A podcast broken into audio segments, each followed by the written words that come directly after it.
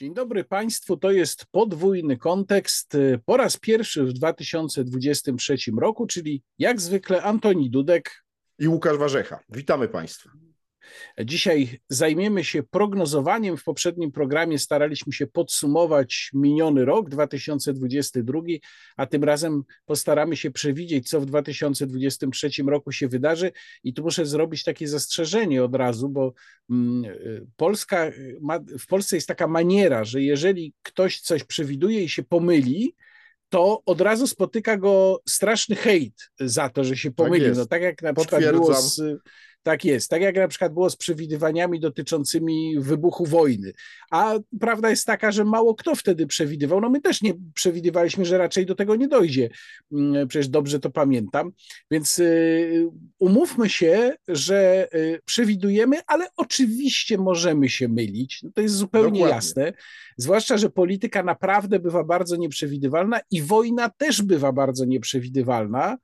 No i właśnie o wojnie teraz byśmy porozmawiali na początku, bo to jest ten czynnik, który na pewno będzie determinował w dużej mierze to, co się będzie działo i w polityce międzynarodowej, tej dużej, i w naszej polityce również. W naszej to może jako jeden z kilku czynników, ale też będzie to bardzo ważne. I tutaj, jakbym miał podsumować, jakie są warianty rozwoju wypadków, no to taki obowiązujący, powiedziałbym, urzędowo optymistyczny w Polsce to jest taki, że no to jest rok zwycięstwa Ukrainy. Ja pomijam już to, że mm, samo określenie tego, czym by miało być to zwycięstwo, jest jak zwykle problematyczne, bo tutaj akurat w tym konflikcie jest dużo różnych wariantów tego, czym on się może skończyć. I są też takie warianty, w których każda ze stron będzie mogła mówić, że tak naprawdę odniosła jakiś sukces, ale y, to nie jest wariant wcale oczywisty. To znaczy, wcale nie jest takie oczywiste, że ten konflikt się w ogóle skończy w tym roku, albo że się skończy wynikiem korzystnym, powiedzmy tak, ogólnie korzystnym dla Ukrainy.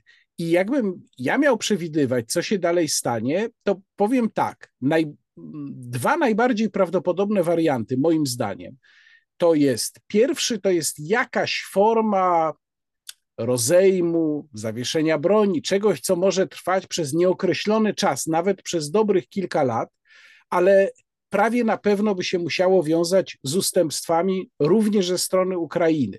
I pewnie by to wtedy było no tam na Ukrainie, ale też u nas, myślę, w tym oficjalnym języku, przedstawiane jako konieczność, jako tylko taka pauza, że to jest tylko na chwilę, że to nie jest ostateczny wynik. No i pewnie dotyczyłoby, tak można przypuścić, przynajmniej tych obszarów, które Rosja zajęła po 2014 roku. Czy innych też trudno powiedzieć. W tej chwili mamy sytuację, w której mam wrażenie, wojna jest bardzo wbrew pozorom dynamiczna, to znaczy może i w większości front stoi, ale i Rosjanie szykują ewidentnie jakieś działania. Jest mowa przecież o mobilizacji kolejnych 500 tysięcy ludzi, i z drugiej strony Zachód mówi o dostarczeniu kolejnych rodzajów uzbrojenia, tym razem już właściwie ewidentnie ofensywnego, więc to wszystko może się jeszcze zmienić w najbliższych miesiącach.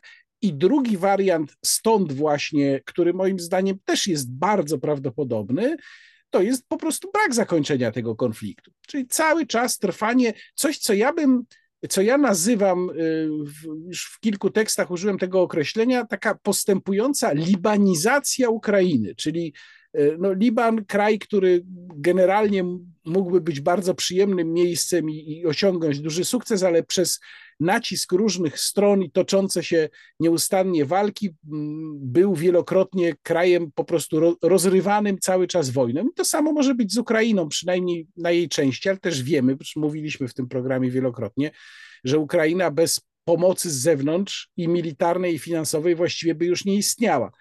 Więc te dwa warianty mm, w mojej opinii, ciekawe, czy tutaj się zgodzisz, przypuszczam, że pewnie nie, ale zobaczymy, ten pierwszy wariant, czyli wariant jakiegoś uspokojenia, jakiegoś zawieszenia, byłby dla Polski moim zdaniem korzystny, bo ja uważam, że my no, w ten konflikt zaangażowaliśmy już ogromnie dużo potrzebne nam jest to wytchnienie. Ten drugi wariant byłby znacznie mniej korzystny, zwłaszcza, że on by prowadził do właściwie nieokreślonego, nieokreślonej długości trwania tego konfliktu, to mo można by sobie wyobrażać, że to się tak yy, czasem staje, czasem się przesuwa, czasem mocniej, czasem słabiej, ale i przez 5 lat, i przez 8 lat. Natomiast najsłabszy, najmniej prawdopodobny wydaje mi się ten wariant taki urzędowo optymistyczny, czyli taki, że następuje pokonanie Rosji, wypchnięcie jej z terytorium Ukrainy i wielkie zwycięstwo, które Zachód może świętować. No i teraz pytanie, jak ty to tak, widzisz? Dokładnie, więc ja oczywiście ten wariant, w którym następuje całkowity sukces Ukrainy, czyli Ukraina w tym roku odzyskuje wszystkie ziemie, łącznie z Krymem, które im Rosja zabrała od 2014 roku, uważam za nieprawdopodobny. Podobnie jak również za mało prawdopodobny uważam wariant diametralnie odwrotny, w którym Putin na nowo podejmuje ofensywę na Kijów i opanowuje całą Ukrainę. Bo to są te dwa skrajne scenariusze i one wydają mi się najmniej prawdopodobne, a zatem będzie coś pomiędzy. I teraz w ramach tego czegoś pomiędzy jest kwestia natężenia tej wojny.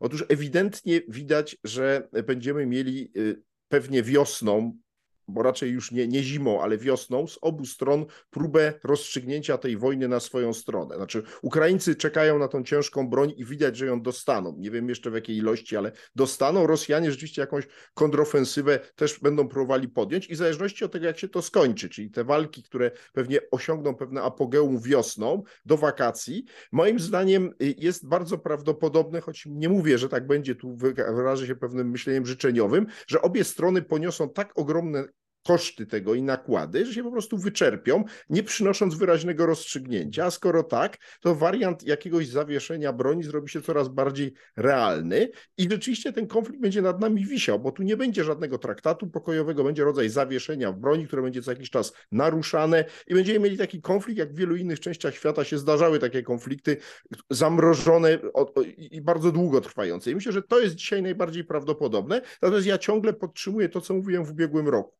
Ja ciągle mam nadzieję, że e, reżim Putina się załamie, dlatego że moim zdaniem Putin jest w coraz większych opałach. Ja rozumiem, że niektórym się bardzo śpieszy i ja już te prognozy głosiłem wielokrotnie i przez cały 2022 rok upadek Putina nie nastąpił, ale ja ciągle odnoszę się do że tak powiem, e, e, historycznych analogii. I tutaj, jeśli się trzymamy cara Mikołaja II, no to car Mikołaj II między 1914 a 1917 minęły trzy lata. Przez trzy lata Rosja musiała ponosić coraz większe koszty i porażki w wojnie, a przecież wiemy, że nigdy e, Niemcy nie podeszli pod Moskwę wtedy w czasie I wojny światowej, co nie przeszkodziło e, wybuchowi rewolucji lutowej i moim zdaniem dzisiaj e, im więcej czytam o tym, co się dzieje wewnątrz Rosji, tym bardziej widzę takich czynników właśnie, powiedziałbym, rewolucjogennych, jeśli oczywiście nie dojdzie do przewrotu w ramach establishmentu. I tutaj to, co jest dla mnie najistotniejsze, kończąc ten wątek, to to, czego ja się najbardziej przez cały ubiegły rok rok się e, obawiałem, a co się dotąd nie wydarzyło, Chiny nie zaangażowały się radykalnie po stronie Putina. Tak jakby Chiny też czekały e, na wykrwawienie Rosji.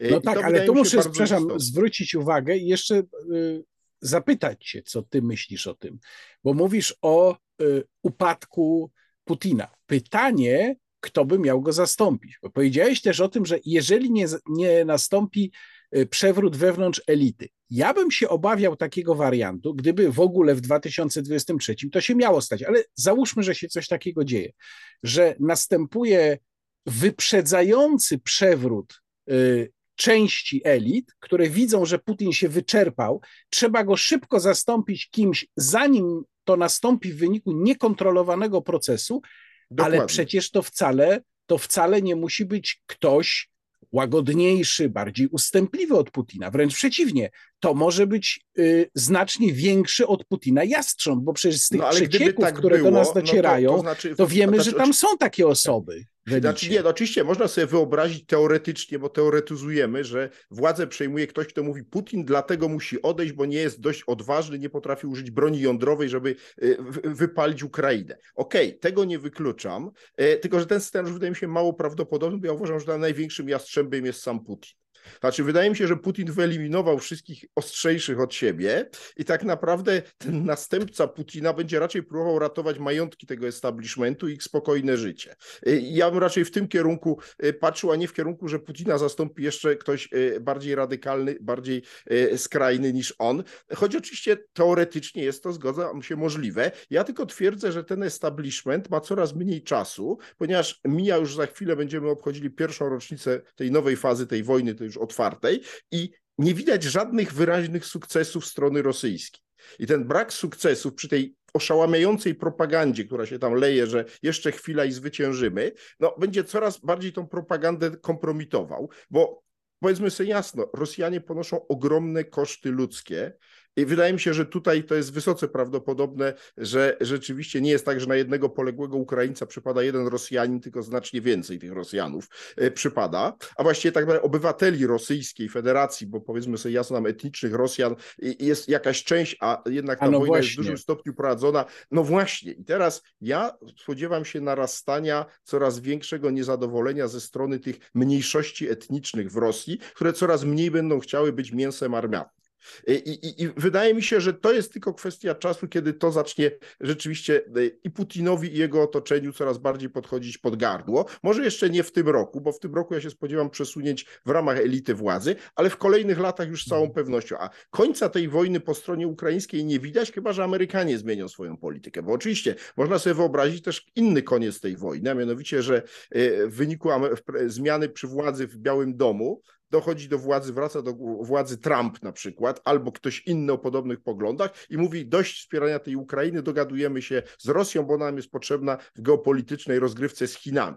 Hipotetycznie można sobie to też w teorii wymyśleć, taki scenariusz, tylko ja nie bardzo w niego wierzę, bo Amerykanie za dużo już zainwestowali w Ukrainę, to po pierwsze, i po drugie za dużo odnieśli sukcesów, żeby się z tego wycofywać. Dlatego, że jak się cofniemy do jednak e, sytuacji sprzed 24 lutego, no to gdybyśmy rozważali, czy Rosja, jeśli ruszy całą swoją siłą przeciwko Ukrainie, będzie ją w stanie pokonać, no uznalibyśmy, że będzie ją w stanie pokonać. Moglibyśmy dyskutować, czy to będzie liczone w dniach, w tygodniach, czy w miesiącach, no ale dzisiaj jesteśmy y, ponad 10 miesięcy po tym i widzimy, że jednak okazało się, że Rosjanie użyli wszystkiego z wyjątkiem broni nuklearnej, a mimo to Ukrainy nie pokonali. I to, i to, to ja jest tutaj... wyraźne świadectwo pewnej słabości Rosji. To ja, to ja tutaj pociągnę nasze rozważania dalej, może trochę polemicznie. Mianowicie, po pierwsze, jeżeli chodzi y, o Stany Zjednoczone, to rzeczywiście jest tak, że na razie mamy też ten nowy pakiet y, błyskawiczny, czy tam taki emergency pakiet wsparcia, chyba 3 miliardy dolarów, no ogromne pieniądze, ale pytanie jest takie: Ty powiedziałeś, Amerykanie już bardzo dużo zainwestowali, więc się nie wycofają, ja się zgadzam, że to jest jeden z możliwych, jedna z możliwych dróg rozwoju sytuacji, ale jednak wśród republikanów jest też druga droga, czyli zainwestowaliśmy już za dużo i musimy przyhamować. I tam była ta, ta, ta symboliczna scena, o której ja wspominałem w poprzednim naszym programie, kiedy Zełeński y, przemawiał w kongresie i tych dwoje kongresmenów, dwoje członków Izby Reprezentantów, y, republikanie właśnie demonstracyjnie nie, nie wstawali, nie klaskali wtedy, kiedy wszyscy inni klaskali. Pytanie, czy ten proces się jednak nie będzie pogłębiał. Jak doszło w końcu do wyboru, po tam chyba, nie wiem, czy doszło to do 20 głosowań, ale w każdym razie było blisko, Kevina McCarthy'ego na speakera, czyli marszałka po polsku Izby Reprezentantów, to pojawiły się też takie komentarze, że załatwienie tej sprawy i właśnie e, wybór McCarthy'ego jednak mogą sygnalizować coraz większy opór republikanów przed kolejnymi pakietami pomocowymi dla Ukrainy. Więc tutaj wydaje mi się, że to nie jest takie oczywiste, że Amerykanie będą w takim samym stopniu cały czas tak samo intensywnie Ukrainę wspierać. I drugi wątek, czy drugi, druga konsekwencja scenariusza, o którym wspomniałeś, czyli takiego, w którym do władzy na Kremlu dochodzi ktoś, kto miałby spróbować uporządkować sprawy, uspokoić sprawy po to, żeby ratować y, i pieniądze, i majątki elity, i to, co było dla elity przyjemne. Y, jest to możliwe.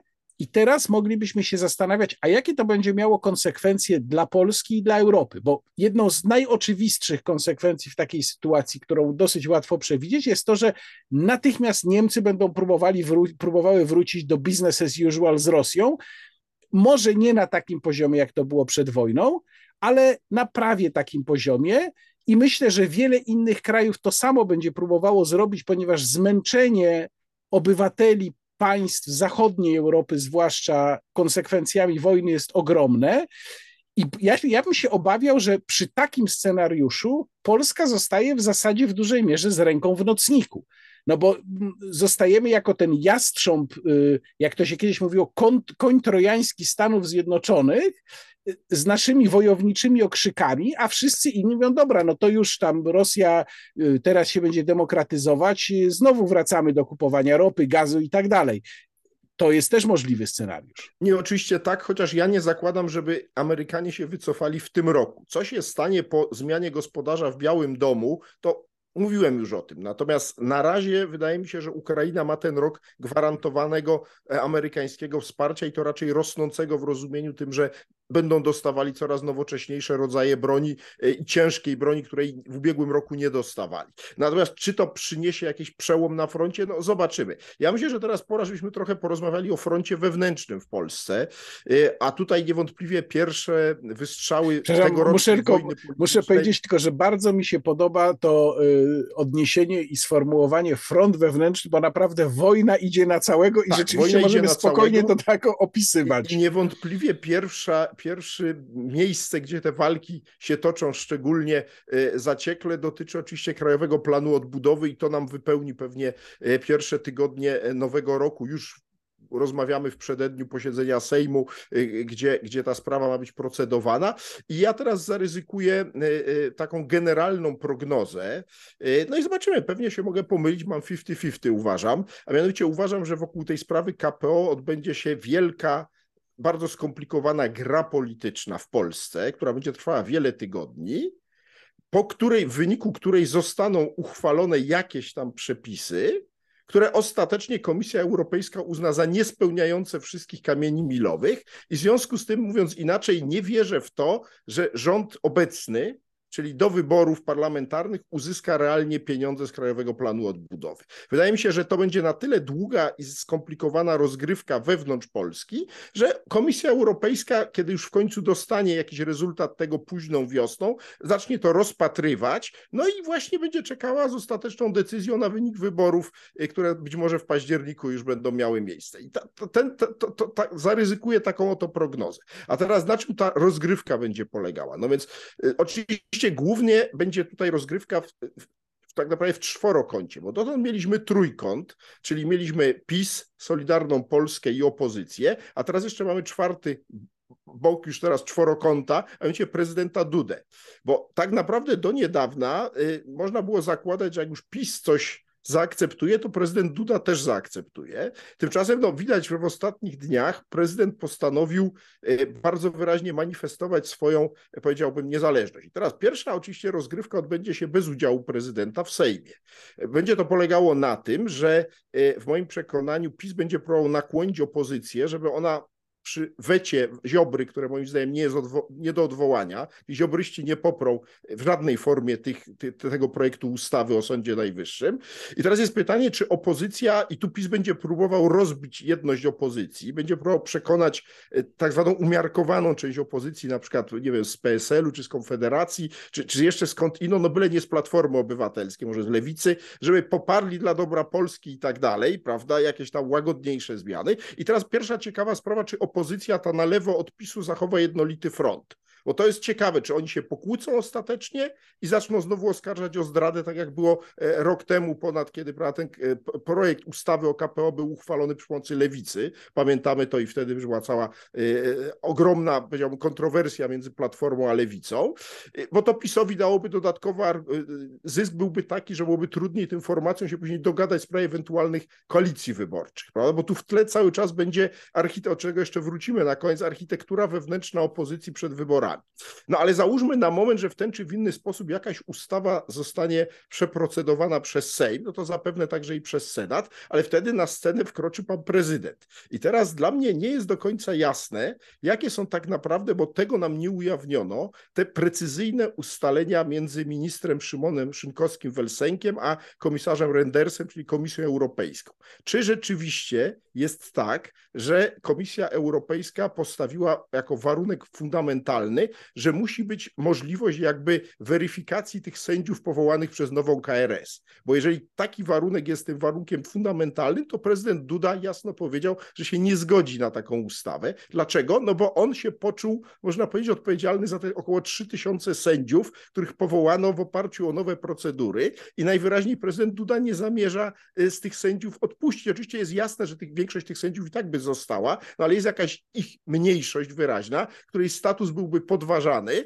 No i prezydent Duda ewidentnie postanowił tu nagle się poczuwać do tej reformy i jej bronić. A on ma znacznie większe pole manewru niż prezydent, niż y, Zbigniew Ziobro, bo zasadniczo oczywiście można sobie teoretycznie wyobrazić, że Sejm uchyla weto prezydenta większością trzech piątych, ale ja nie bardzo w to wierzę, że nagle pre prezydent razem z Ziobrą mówią nie pozwalamy non possumus, a Sejm większością takie weto e, obala. Więc mówiąc krótko, wydaje mi się, że szansa, żeby to wszystko finalnie znalazło w ogóle jakiś e, e, ustawowy kształt jest niewielka, no a później jeszcze jest ta Bruksela, którą ja podejrzewam, tak jak Zbigniew Ziobro, o to, że ona jednak nie chce dać w tym roku tych pieniędzy z KPO Warszawie i w związku z tym, no co ty na to?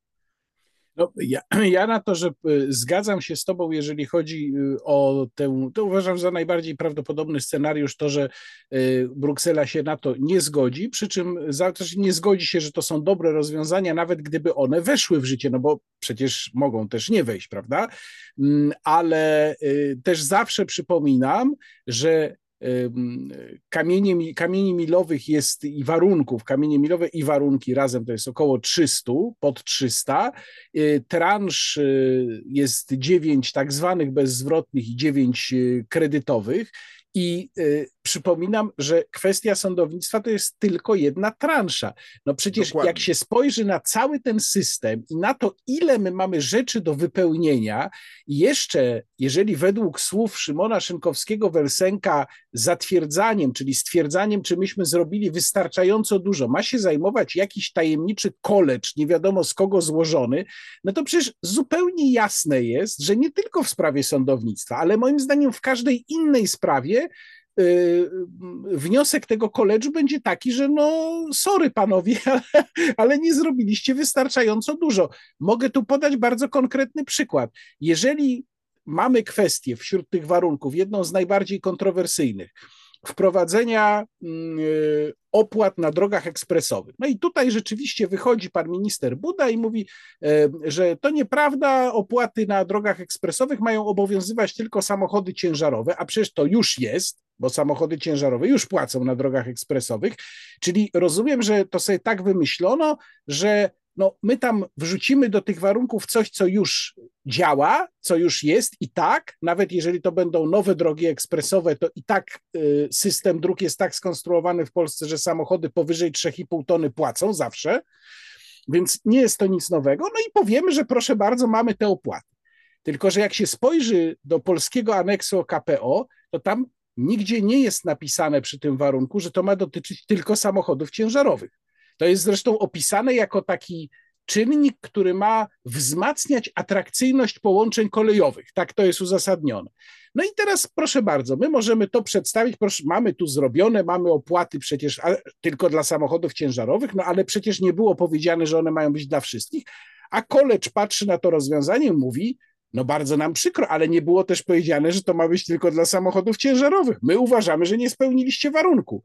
No i już nie mamy warunku spełnionego dla tam kolejnej transzy pieniędzy. Więc to jest tak ogromny, tak pełen pułapek proces, że ja kompletnie nie wierzę w to, że jego się uda zrealizować, na pewno nie przed wyborami i przy tym rządzie z powodów politycznych oczywiście.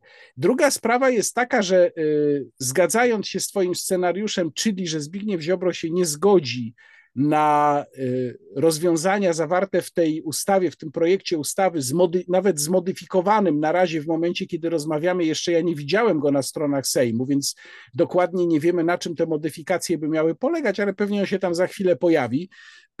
Jeżeli jego istota tego projektu zostanie zachowana, taka jaka była, no to oczywiście, że Solidarna Polska się nie zgodzi. I tutaj można się też zastanawiać, jaki to będzie miało wpływ na przyszły los Solidarnej Polski, bo cały czas jest ten wariant i to pytanie, czy Solidarna Polska byłaby w stanie wystartować sama, ewentualnie z kimś sprzymierzona, no czy też mimo wszystko zostanie wzięta przez, na swoje listy przez PiS. Moja hipoteza dzisiaj, już trochę zaczynam mówić o wyborach, ale to wynika z tej afery tak. o KPO, jest taka, że, że nie. To znaczy, że, że Jarosław Kaczyński jednak nie będzie chciał Zbigniewa Ziobry na swoich listach i w związku z tym Zbigniew Ziobro im bliżej wyborów będzie coraz wyraźniej i coraz konsekwentniej działał na rzecz własnej formacji, coraz mocniej zaznaczając odrębność pomiędzy Solidarną Polską a PiSem po tych spotkaniach, które miały jakoś niby zbliżyć stanowiska w, w, sprawie tej ustawy sądowej, były te takie powiedziałbym, aluzyjne komunikaty twojego ulubionego marszałka, jak go nazywasz, Ryszarda, Ryszarda Terleckiego. Terleckiego. Tak jest, który tam w pewnym momencie powiedział, że no są takie mm, głosy, że właściwie to byśmy mogli rozwiązać tę koalicję, no ale ja wierzę w to, że się dogadamy. Oczywiście nie cytuję dosłownie, ale taki był tego sens, więc no, w przestrzeni publicznej padło to zupełnie oficjalnie. Zresztą to się tam w paru okazjach w ostatnich latach zdarzało też, ale no tutaj kontekst jest jednak trochę inny, bo to jest kontekst już tych nadchodzących wyborów, prawda? Dobrze, to więc, ja się... E, po... Mhm. Znaczy, więc ja się nie, jeszcze, podzielić... no, do końca. Jeszcze, jeszcze tak, jeszcze chciałem tylko powiedzieć, że y, ja się zastanawiam również nad ekwilibrystyką, którą będzie e, Prawo i Sprawiedliwość stosować, żeby uzasadnić konieczność uchwalenia tej ustawy. Już trochę to widzimy, natomiast no jednak y, to będzie trudne zadanie, bo tutaj prezydent, który będzie mówił, że to jest w tej postaci niedopuszczalne, tutaj Zbigniew Ziobro, który będzie wskazywał nie tylko na sprawę ustawy sądowej, ale będzie wskazywał na kwestie ustępstw dotyczących polityki klimatycznej również, przecież to cały czas robi.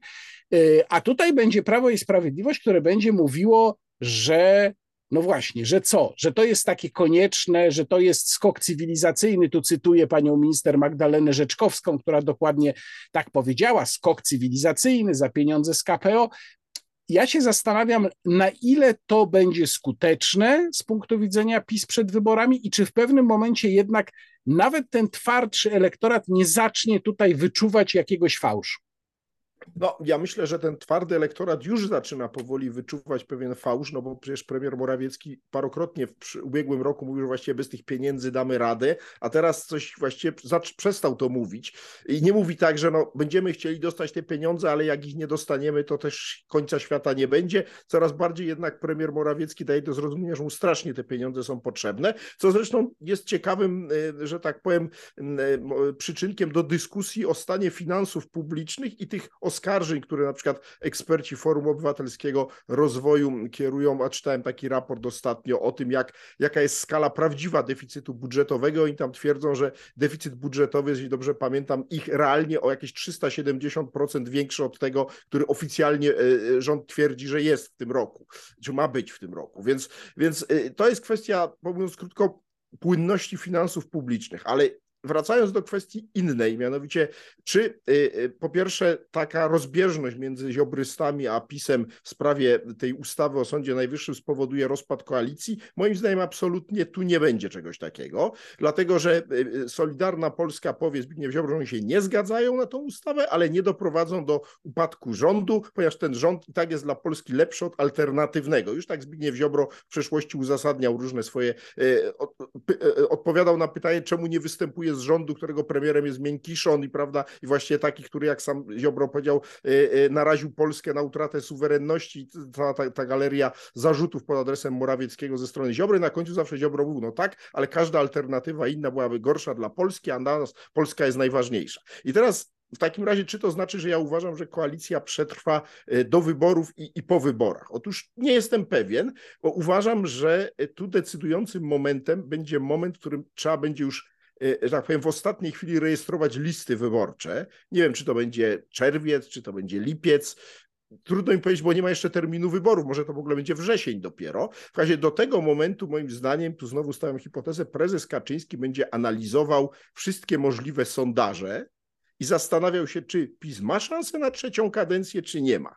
I jak długo prezes Kaczyński będzie uważał, że PiS ma szansę na trzecią kadencję, to tak jak już to mówiłem, zaciśnie zęby, zatka nos i weźmie Zbigniewa Ziobrę na pokład na trzecią kadencję. Ale jeśli prezes Kaczyński uzna, że nie ma szans, czego oczywiście publicznie nie przyzna, bo on do końca będzie mówił, i to jest jasne, że szansa jest na zwycięstwo. Ale pierwszym sygnałem, że Kaczyński nie wierzy już w trzecią kadencję będzie wyrzucenie z hukiem pana Ziobry, z potokiem oskarżeń, że jest największym szkodnikiem, zdrajcą i człowiekiem, przez którego właśnie jeśli prawica straci władzę, to przez niego, bo on sparaliżował właśnie naprawę sądownictwa i mnóstwo innych rzeczy. I, i, i, I, taki rozwód bardzo gwałtowny jest możliwy. I wtedy się dowiemy, czy pan Ziobro ma szansę przetrwać samodzielnie z tą swoją szalupą, której zgadzam się, będzie cały czas ratunkową ją promował, bo wydaje mi się, że po tym, co obserwuję, jak słucham liderów Konfederacji, to oni się nie palą do tego, żeby się dogadać z panem Ziobro i brać go na swój pokład, bo oni raczej próg przekroczą, a pan Ziobro niekoniecznie. Więc y, y, y, branie pana Ziobry po to, żeby on dostarczył, no właśnie pytanie, jakie jest realne poparcie dla Ziobry? Czy to jest poniżej 1%, czy powyżej? Czy branie no, go przy, Przypominam ci, że był ten jest... sondaż, był ten sondaż, w którym Solidarna Polska miała chyba 6%, tak? Wiesz tak? co, ale to ja boję się, że ten sondaż nie do końca mnie przekonuje. Ja, oczywiście będziemy mieli różne Słyszałem sondaże, takie głosy właśnie. Ale, tak. ale ja widziałem wiele sondaży, w których oddzielano odpisu partię pana Ziobry i raczej to było było w okolicach 1%.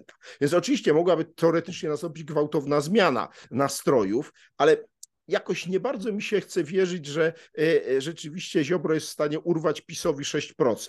E, no ale zobaczymy. No mówię, Decyzja jest w rękach prezesa Kaczyńskiego, bo to moim zdaniem on podejmie tę decyzję, tylko w ostatnim możliwym momencie, czyli w momencie tuż przed rejestracją list wyborczych. Wcześniej nie wydaje mi się, żeby doszło do rozwodu, bo już doszłoby do niego wielokrotnie wcześniej, ponieważ tam napięcie już jest tak wysokie, że nie sądzę, żeby te kolejne ostre słowa, które padną przy okazji tych awantur, które nas czekają teraz w Sejmie, spowodowały, że Kaczyński straci cierpliwość. Mam wrażenie, że on tutaj w przypadku Ziobry ma wyjątkowo dużo cierpliwości i, i zachowa ją właśnie do, do tej ostatniej chwili, o której mówiłem. Więc ja o jednej moja, rzeczy moja chcę jeszcze chcę powiedzieć w ramach y, scenariuszy i tutaj zgodzić się z Tobą dosyć mocno, podkreślić to. Kwestia ewentualnego sojuszu przedwyborczego między Konfederacją a Solidarną Polską, bo rzeczywiście często się dosyć o tym mówiło ze względu na pewną zbieżność tematyczną, zwłaszcza w sprawach dotyczących y, Unii Europejskiej. Unii Europejskiej tak. Tak, ale y, przecież jeżeli się zastanowimy, na czym Konfederacja wygrywa, no cały czas jednak wygrywa na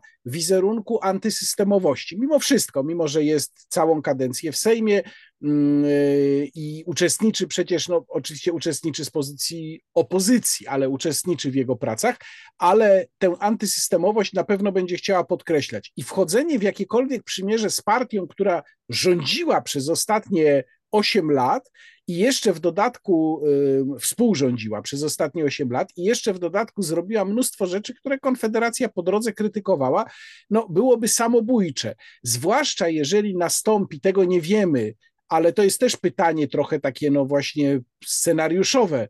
Mm, jeśli nastąpi jednak pewien rozłam w Konfederacji, cały czas to jest zagadka, co zrobią wolnościowcy wobec tych wyborów ogłoszonych Y, przez pana Mencena i, i, i Radę Liderów Konfederacji Prawyborów y, na, na miejsca y, do Sejmu, no to jeszcze kolejne ryzyko, podejmowanie kolejnego ryzyka w postaci jakiegoś przymierza z Solidarną Polską, moim zdaniem kompletnie by się nie opłacało. Tu warto jeszcze zwrócić uwagę, że Konfederacja Wygląda, że się trochę odbiła od dna. Oczywiście to jest przed tak. ewentualnym wstrząsem związanym z takim, z tym rozejściem się, ale sondaże teraz pokazują jednak dosyć stabilnie ją powyżej progu, czasem nawet mhm. parę punktów powyżej progu. Dokładnie tak, więc ja mam podobną analizę, natomiast pora, żebyśmy jeszcze powiedzieli o reszcie opozycji.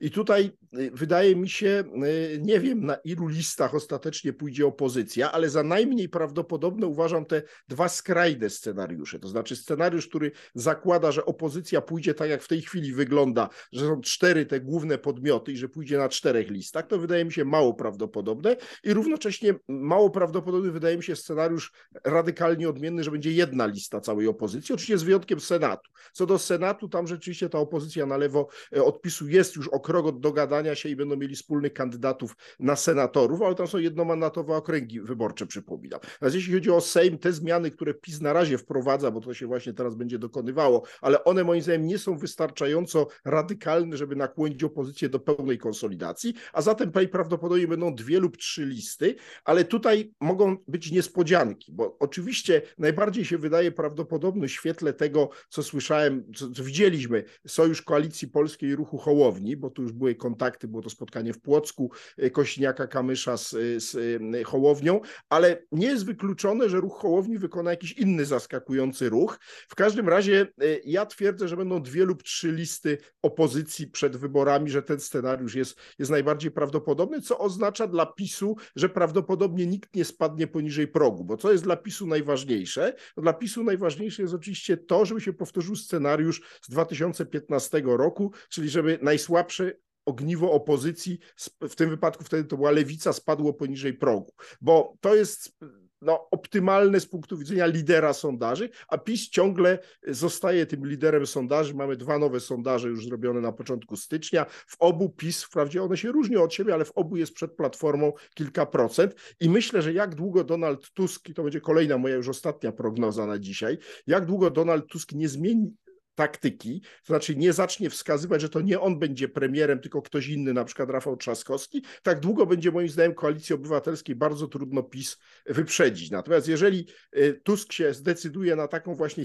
wariant Kaczyńskiego z 15 roku i powie jasno, jeśli Platforma wygra, to nie ja będę premierem, tylko Rafał Trzaskowski, to moim zdaniem istnieje możliwość, że y, Koalicja Obywatelska zacznie w kolejnych sondażach nieco wyprzedzać e, Prawo i Sprawiedliwość i wtedy nie będziemy mieli takiej sytuacji jak w ubiegłym roku, kiedy zdaje się z wyjątkiem dwóch sondaży we wszystkich PiS zawsze był przed Platformą, tylko zacznie nam się taka sytuacja mijanki, prawda? E, I kolejne sondaże będą raz przynosiły przewagę PiSowi, raz Koalicji Obywatelskiej. I taki stan się w ogóle może wtedy utrzymać aż do samych wyborów, co uczyni je tym bardziej emocjonującymi, że no nie będzie wiadomo, kto pierwszy dostanie tą e, pałeczkę tworzenia nowego rządu, bo wprawdzie nie ma tego w Konstytucji, ale przyjęło się w Polsce i to jest dobry zwyczaj, że to zaczyna się tworzenie nowego rządu od przedstawiciela partii, która dostała największe poparcie. Co nie znaczy, że ona ten rząd stworzy i tu wracamy do tego, o czym już wielokrotnie rozmawialiśmy, a mianowicie, że PiS może wygrać wybory w rozumieniu, że padnie na listę PiSu z Ziobrą czy bez Ziobry najwięcej głosów, ale może się okazać, że tych mandatów brakuje i powstanie rząd kordonowej koalicji. Ja na dziś uważam, że to jest na 60% bardziej prawdopodobny scenariusz e, kordonowej nowej koalicji rządu niż e, rządu e, e, PiSu z kimś z tej z opozycji dotychczasowej. No i powiedzmy, że daje 5% szans na samodzielne rządy PiSu, a więc przedłużenie tego stanu. Samodzielne w rozumieniu, że z Ziobrą, no bo to nie jest normalny koalicjant. Więc wydaje mi się, że, że tak bym to więcej ustanowił. Powtórzę raz jeszcze. 60%, że powstanie po wyborach rząd kordonowej koalicji, 35% na to, że PiS wyrwie z opozycji jakichś koalicjantów i stworzy z nimi rząd i 5% na to, że nie będzie musiał tego robić, bo wygra całkowicie samodzielnie. I teraz gdyby to miało to ostatnie nastąpić, te 5%, to w sytuacji bardzo gwałtownego pogorszenia sytuacji na wschodzie, czyli mówiąc krótko tego scenariusza, który Putin podchodzi pod naszą granicę, na przykład e, załóżmy, że Białoruś się włącza do wojny i rzeczywiście Rosjanie e, z Białorusinami zajmują większość Ukrainy i wtedy w Polsce rzeczywiście ten efekt poczucie zagrożenia gwałtownie rośnie. I to moim zdaniem jest jedyne, co mogłoby PiSowi dać na nowo samodzielną większość, dlatego że inne czynniki, o których tu nie rozmawialiśmy, na przykład inflacja, mimo zapowiedzi PiSu, że ona będzie spadać od drugiego kwartału, ja nie kryję, że ja w to nie wierzę. Nie widzę działań ze strony rządu, które by realnie obniżały inflację, pomijając oczywiście marketingowe sztuczki prezesa Obajtka, dzięki czemu nam e, e, cena benzyny nie skoczyła po 1 stycznia, ale nie tędy droga. Na dłuższą metę tego się moim zdaniem nie da e, po prostu takimi sztuczkami tej inflacji zmniejszać. No to ja teraz podchwycę wątek Donalda Tuska, bo on mi się wydaje szczególnie interesujący, bo y, w tym, co powiedziałeś, dla Donalda Tuska i z jego punktu widzenia tkwi paradoks. Oczywiście jest możliwe, ja się nad tym ostatnio nawet zastanawiałem, trochę tak jakbyś czytał moje myśli, że jest możliwe, że Donald Tusk y, podejmie właśnie ten wariant Kaczyńskiego, czyli ja będę szefem partii, ale nie ja będę premierem. Tylko, że Donald Tusk i politycy Platformy Obywatelskiej wielokrotnie bardzo takie rozwiązanie i taki układ krytykowali jako patologiczny. Zresztą w dużej mierze słusznie. Słusznie. Oczywiście, Donald Tusk zawsze może powiedzieć, no dobrze, ale to już właśnie jest wypracowana praktyka, tylko że w ten sposób by no, ewidentnie zaprzeczał własnym słowom, które jest bardzo łatwo znaleźć i słowom innych polityków Platformy. Y, kolejny czynnik jest taki, że byłaby to jednak osobista porażka Tuska i on jest w pewnej pułapce, bo on widzi, tak. to również sondaże pokazują, że on jest, no, powiedziałbym, średnio y, lubiany. Również elektorat nie jest entuzjastycznie nastawiony, i to mówię teraz o elektoracie samej koalicji obywatelskiej. Dokładnie do jego kierownictwa. Ale przecież on wracał do Polski z takim założeniem, że on to wszystko zrobi, że on jest najlepszy, że on ma takie doświadczenie, że on ma takie znajomości, że on wraca w glorii chwały i wszystko mu pójdzie jak spłatka. No i teraz już widać, że to nie idzie jak spłatka i to bardzo wyraźnie widać, ale gdyby on miał właśnie takie oświadczenie złożyć i taki zamiar zasygnalizować, jak mówisz, no to by już całkowite, to było całkowite przyznanie się do porażki. Ale co jest na drugiej szali? Jeżeli tego nie zrobi, bo zgadzam się, że y, wskazanie Trzaskowskiego jako ewentualnego premiera mm, y, ułatwiłoby znacznie stworzenie listy y, wokół koalicji obywatelskiej. Dokładnie. Ale, no więc właśnie, ale teraz, jeżeli on tego nie zrobi, to ma na drugiej szali też porażkę, czyli właśnie niemożliwość stworzenia, y, no nawet nie mówię jednej listy, ale być może w ogóle koalicja obywatelska idąca do wyborów sama, co też będzie jego porażką. Więc ja mam takie wrażenie, że Donald Tusk w tym 2023 roku staje przed kilkoma wariantami, z których właściwie każdy jest zły. I y, korzenie tego problemu Donalda Tuska tkwią w jego trochę w jego charakterze chyba, tak mi się wydaje, takim politycznym charakterze, trochę w złym podejściu od samego początku, no bo on jednak wjechał do Polski z takim bardzo buńczucznym i butną, taką butną postawą, że proszę bardzo, tu wszyscy klękajcie narody, prawda, klękajcie opozycjo, ja tutaj teraz będę wam przewodził, ja jestem liderem opozycji. A opozycja, na przykład taki Włodzimierz Czarzasty powiedziała, Donald, jedzie nam tu coś? No i, i, i niestety, no i, i, teraz się okazuje, że tu się nie udało, tutaj sondaże są słabe dla samego Donalda Tuska i, prawda, to dziewać, no odwieczne pytanie. Ja naprawdę tu się mm, nie jestem w stanie tutaj y, y, jakiegoś scenariusza przedstawić, co Tusk zrobi, bo wyobrażam sobie, że on sam ma niezłą zagwostkę z tym. Jakiegoś wyboru będzie musiał dokonać, ale właściwie mam wrażenie, że ma same złe wybory przed sobą. No ale zwróć uwagę, że podobnej sytuacji jest prezes Jarosław Kaczyński, także to jest nie przypadek, że obaj ci ludzie unoszący się nad polską polityką od 30 lat, a od tych kilkunastu już tak bardzo mocno, będący jej właśnie głównymi animatorami, powoli są coraz bardziej w ślepej uliczce i ja bym w tym postrzegał pewien optymistyczny e, aspekt e, rozwoju sytuacji politycznej w Polsce, bo ja uważam, że nic tak nie służy polityce, jak jednak pewna wymiana e, polityków co, co co czas jakiś i myślę, że ci dwaj panowie już naprawdę y, wystarczająco dużo w Polsce nadziałali, żeby y, pomyśleć o ich wysłaniu na emeryturę. No a czy tak będzie, to okaże się po tych wyborach. Na razie wygląda na to, że albo wygra Kaczyński, albo wygra Tusk, więc moja prognoza taka bardziej długofalowa się nie sprawdzi, ale przynajmniej obaj mają rzeczywiście trudną sytuację i myślę, że to jest taki akcent końcowy, którym możemy zakończyć. Przynajmniej ja y, chciałbym kończąc życzyć wszystkim, niezależnie od tego, czy nasze prognozy się sprawdzą, czy się nie sprawdzą, to życzyłbym wszystkim, żeby ten rok był pomyślny i lepszy od poprzedniego i, i myślę, że to, to jest dobra puenta naszego dzisiejszego programu. No, ja tego nie jestem w stanie życzyć, bo, bo prawdę mówiąc, to jest pierwszy rok, kiedy nie jestem w stanie nikomu szczerze życzyć, żeby on był lepszy od poprzedniego, bo w to absolutnie nie wierzę, więc ja mogę tylko powiedzieć, życzę, żeby nie był gorszy, a co do y, sprawy odejścia obu parów na emeryturę, to tu się podpisuje obiema rękami jakby mógł, to mi się czterema rękami podpisał pod tym, co powiedziałeś. Zobaczymy, y, będą nas Państwo mogli rozliczać w internecie, nic nie ginie, za rok będą nas Dokładnie. Państwo mogli rozliczyć z tych prognoz, a na dzisiaj to już wszystko. To był podwójny kontekst z prognozami na 2023 rok, podwójny kontekst, czyli jak zwykle Antoni Dudek i Łukasz Warzecha. Zapraszamy na kolejny program i prosimy o wspieranie naszego kanału, subskrybowanie kanału Łukasza Warzechy. Dziękuję bardzo. Dziękujemy bardzo. Do zobaczenia. Do zobaczenia.